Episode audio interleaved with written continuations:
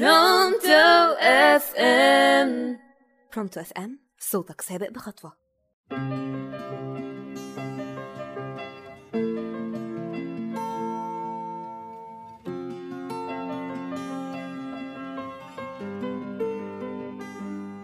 أهلا بكم أعزائي المستمعين معاكم رشا فاروق على إذاعة برونتو اف ام في حلقة جديدة من موسم جديد من برنامج كلمات مؤثرة.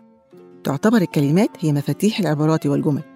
هي الطريقة التي من خلالها نعبر عن ما بداخلنا من مشاعر وأفكار لكل كلمة لها معنى واضح يبين المقصد منها ولها كلمة معاكسة لها ويقول العلماء إن قوة الكلمة تعادل أو تتفوق على أي قوة أخرى توصل لها الإنسان كقوة الكهرباء أو الطاقة الذرية لأنها تمس الروح والعقل والقلب فيكون تأثيرها أكبر إذا تحفز الجسد لفعل أو لرد فعل لكن أين موضوع الكلمة اليوم في حياتنا؟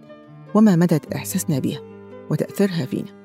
إن قوة تأثير الكلمة فينا ينبع من قوة إحساسنا بها ومدى تفاعلنا معها لذلك تتميز لغتنا العربية بكلماتها وعباراتها القوية التي يمكن تطبيقها وتدوينها في كل أمور حياتنا. وحالة النهاردة بنتكلم عن القضاء والقدر والنصيب. القدر والنصيب كلمتان لهما دلالات مختلفة متقاربان جدا في المعنى لكن يستخدمهم الناس بنفس المعنى حيث أن هناك كثيرون لا يستطيعون التمييز بينهم. لكن هناك فرق في المعنى. النصيب هو ما ينتج عن فعل الإنسان وحده وبيده وهو أيضا ما قدره الله للشخص لكن لا يجب أن يعتمد على ذلك بل عليه أن يجتهد فيما يفعله. أما القدر هو من عند الله فالله وحده من يحدد أقدار الناس وأيضا تدل على الترتيب حيث جاء في قوله تعالى وقدر فيها أقواتها أي رتبها وحددها وإن كل شيء خلقناه بقدر. أي خلق كل شيء بترتيب وحكمة ويقال أن لها أكثر من معنى زي القضاء. وقضى ربك ألا تعبدوا إلا إياه. الأمر أنه أمر بشيء. الحكم قضى الله عز وجل كذا يعني حكم بكذا. أراد إذا قضى أمرا فإنما يقول له كن فيكون. نستشهد على ذلك بمقولة أبو عبيدة لعمر بن الخطاب. حينما أراد عمر الفرار عندما أصابهم الطاعون في الشام قال له أتفر من القضاء يا عمر؟ قال عمر أفر من قضاء الله إلى قدر الله.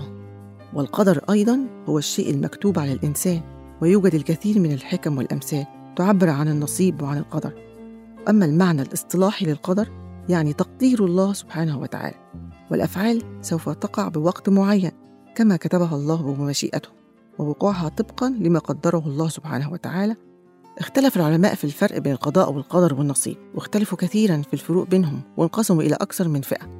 هناك البعض شاف إن في فرق بين القدر والقضاء وشاف إن القدر هو تقدير الأمر في الأزل عند الله قبل قضائه. أما القضاء فهو إتمام الشيء والانتهاء منه ويكون وقت ما قدره الله تعالى. والبعض الآخر شاف إن القدر أعم من القضاء لأن القدر هو الأمر الذي أكد للوزن أما عن القضاء فهو الوزن نفسه.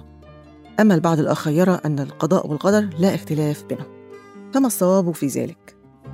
أن نبيع الماضي لنشتري الغد أم نترك الغد ليد القدر أم نحتفظ بالماضي الذي نملكه؟ يقود القدر من يتبعه ويجر من يقاومه. أما النصيب له أكثر من معنى. قال تعالى للرجال نصيب مما ترك الوالدان والآخرون. معناها هنا الورث والميراث. نصيب فلان أو حصته من التركة وكما قلنا من قبل أن النصيب هو ما ينتج عن فعل الإنسان وبيده. متى يأتي النصيب؟ يأتي بسبب أفعالك. أنت الوحيد المسؤول عنها في النهاية. أنت إنسان مخير. مخير في أفعالك وتصرفاتك التي إما تقودك إلى الجنة أو إلى النار. وبالتالي لا تستطيع أن ترمي تصرفاتك وسوء أفعالك وقراراتك على الآخرين وعلى شماعة القدر. وده نتيجة لعدم فهم لمفاهيم القدر والقضاء والنصيب. يتساءل البعض هل الدعاء يغير القدر المكتوب والنصيب؟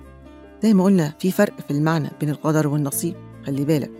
فعلا الدعاء من ضمن أهم الأسباب التي تغير القدر. من أجله حيث يستطيع الدعاء أن يغير الأقدار التي تقع على الإنسان كما أن الدعاء يجعل الإنسان قريب من الله عز وجل.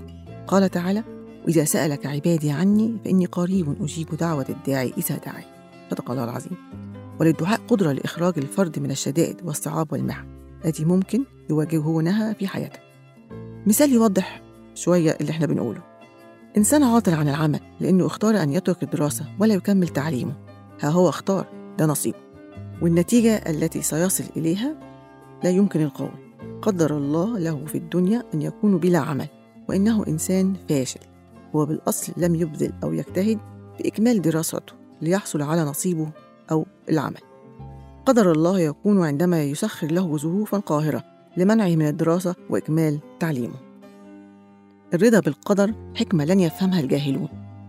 فكل شيء ممكن فعله كما نريد إلا القدر والنصيب. في نهاية حلقتنا أحب أقول إن أقدارنا هدايا مغلفة لا نعرف ما بداخلها. فتفاءلوا خيرا. ما كان لك سيأتيك رغم ضعفك وما ليس لك لن تأخذه رغم قوتك. شكرا أعزائي المستمعين كنتم مع رشا فاروق على إذاعة برونتو إف إم.